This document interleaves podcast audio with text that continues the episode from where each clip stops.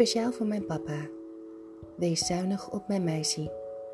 2 september 2019.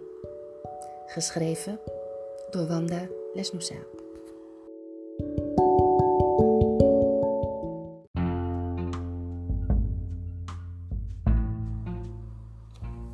De Beste Zangers van Nederland is een geweldig programma waarbij menig sentimenteel lied de revue passeert.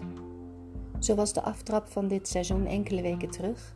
En afgelopen zondag zong Henk Poort toch wel een heel ontroerend lied. Wees zuinig op mijn meisje van André Hazes senior.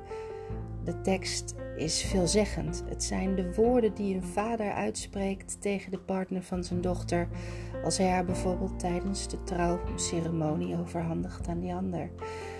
De tekst van dit lied is zo ongelooflijk breekbaar en laat goed de kwetsbaarheid van een vader zien, die zijn kostbaarste bezit toevertrouwt aan iemand die hij eigenlijk helemaal niet zo goed kent als dat hij zijn eigen kind kent. Tranen sprongen spontaan in mijn ogen toen ik Henk hoorde zingen en naar de tekst van het lied luisterde.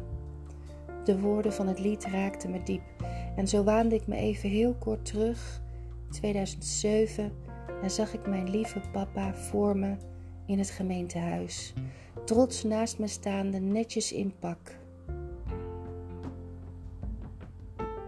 Mijn hand lag in zijn brede palm, met zachte kussentjes. Zijn hand voelde warm en was mij zo vertrouwd. Altijd wisten deze handen me op te beuren, veilig te laten voelen en me te troosten. Deze handen konden wonderen verrichten want één aai over mijn bol maakte dat mijn hart zich kon veranderen van gesteldheid. En één ferme, toch ook zachte zet in mijn rug maakte dat ik zelfverzekerd de volgende stap kon nemen. Van jongs af aan ben ik een papa's kind geweest en delen we samen een hele sterke band, waarbij we elkaar vaak heel erg kunnen missen. Als ik vroeger gevallen was van het klimrek, beurde hij me op en hij wiegde me, neuriede hij zijn melodietjes en bood hij mij veel geborgenheid. Mijn vader bracht me overal heen met de auto om te voorkomen dat ik niet s'avonds alleen over straat hoefde. Ook tijdens schoolfeesten nam hij de gepaste afstand weliswaar, maar hij stond altijd op me te wachten. Toen ik een lange tijd in het buitenland werkte, zat hij vaak in mijn oude kamer als hij sterk aan me moest denken. Maar ondanks dat gemis wilden we elkaar liever niet spreken, want beide waren we maar al te bang dat als we elkaar stem zouden horen, we zouden breken. Als ik met mijn vriendenkring uitging in de stad, liep hij vaak rond middernacht zenuwachtig richting het einde van de straat en tuurde hij in de verte of hij mij al kon zien komen aanfietsen of uh, elk moment een taxi om de hoek verwachtte. Nu legde ik mijn hand in die van hem en wist ik dat er iets wezenlijks zou veranderen op mijn trouwdag. Mijn papa zou zijn rol als grote beschermer van mijn leven gaan delen en uiteindelijk helemaal afstaan aan mijn toenmalige partner. Ervan uitgaande dat deze dezelfde waarde qua bescherming zou overnemen.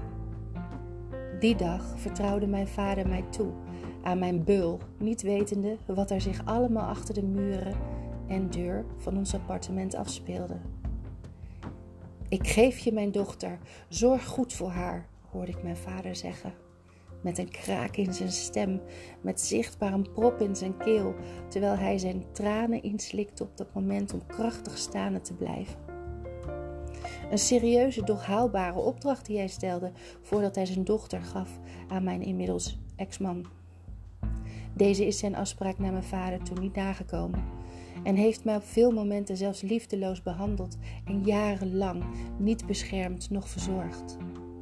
Hoe pijnlijk moet dit zijn om als vader te zien dat je kleine meisje slecht wordt behandeld en de man aan wie je je kostbaarste bezit hebt toevertrouwd, zo slecht omgaat met je vertrouwen en zijn woord niet nakomt.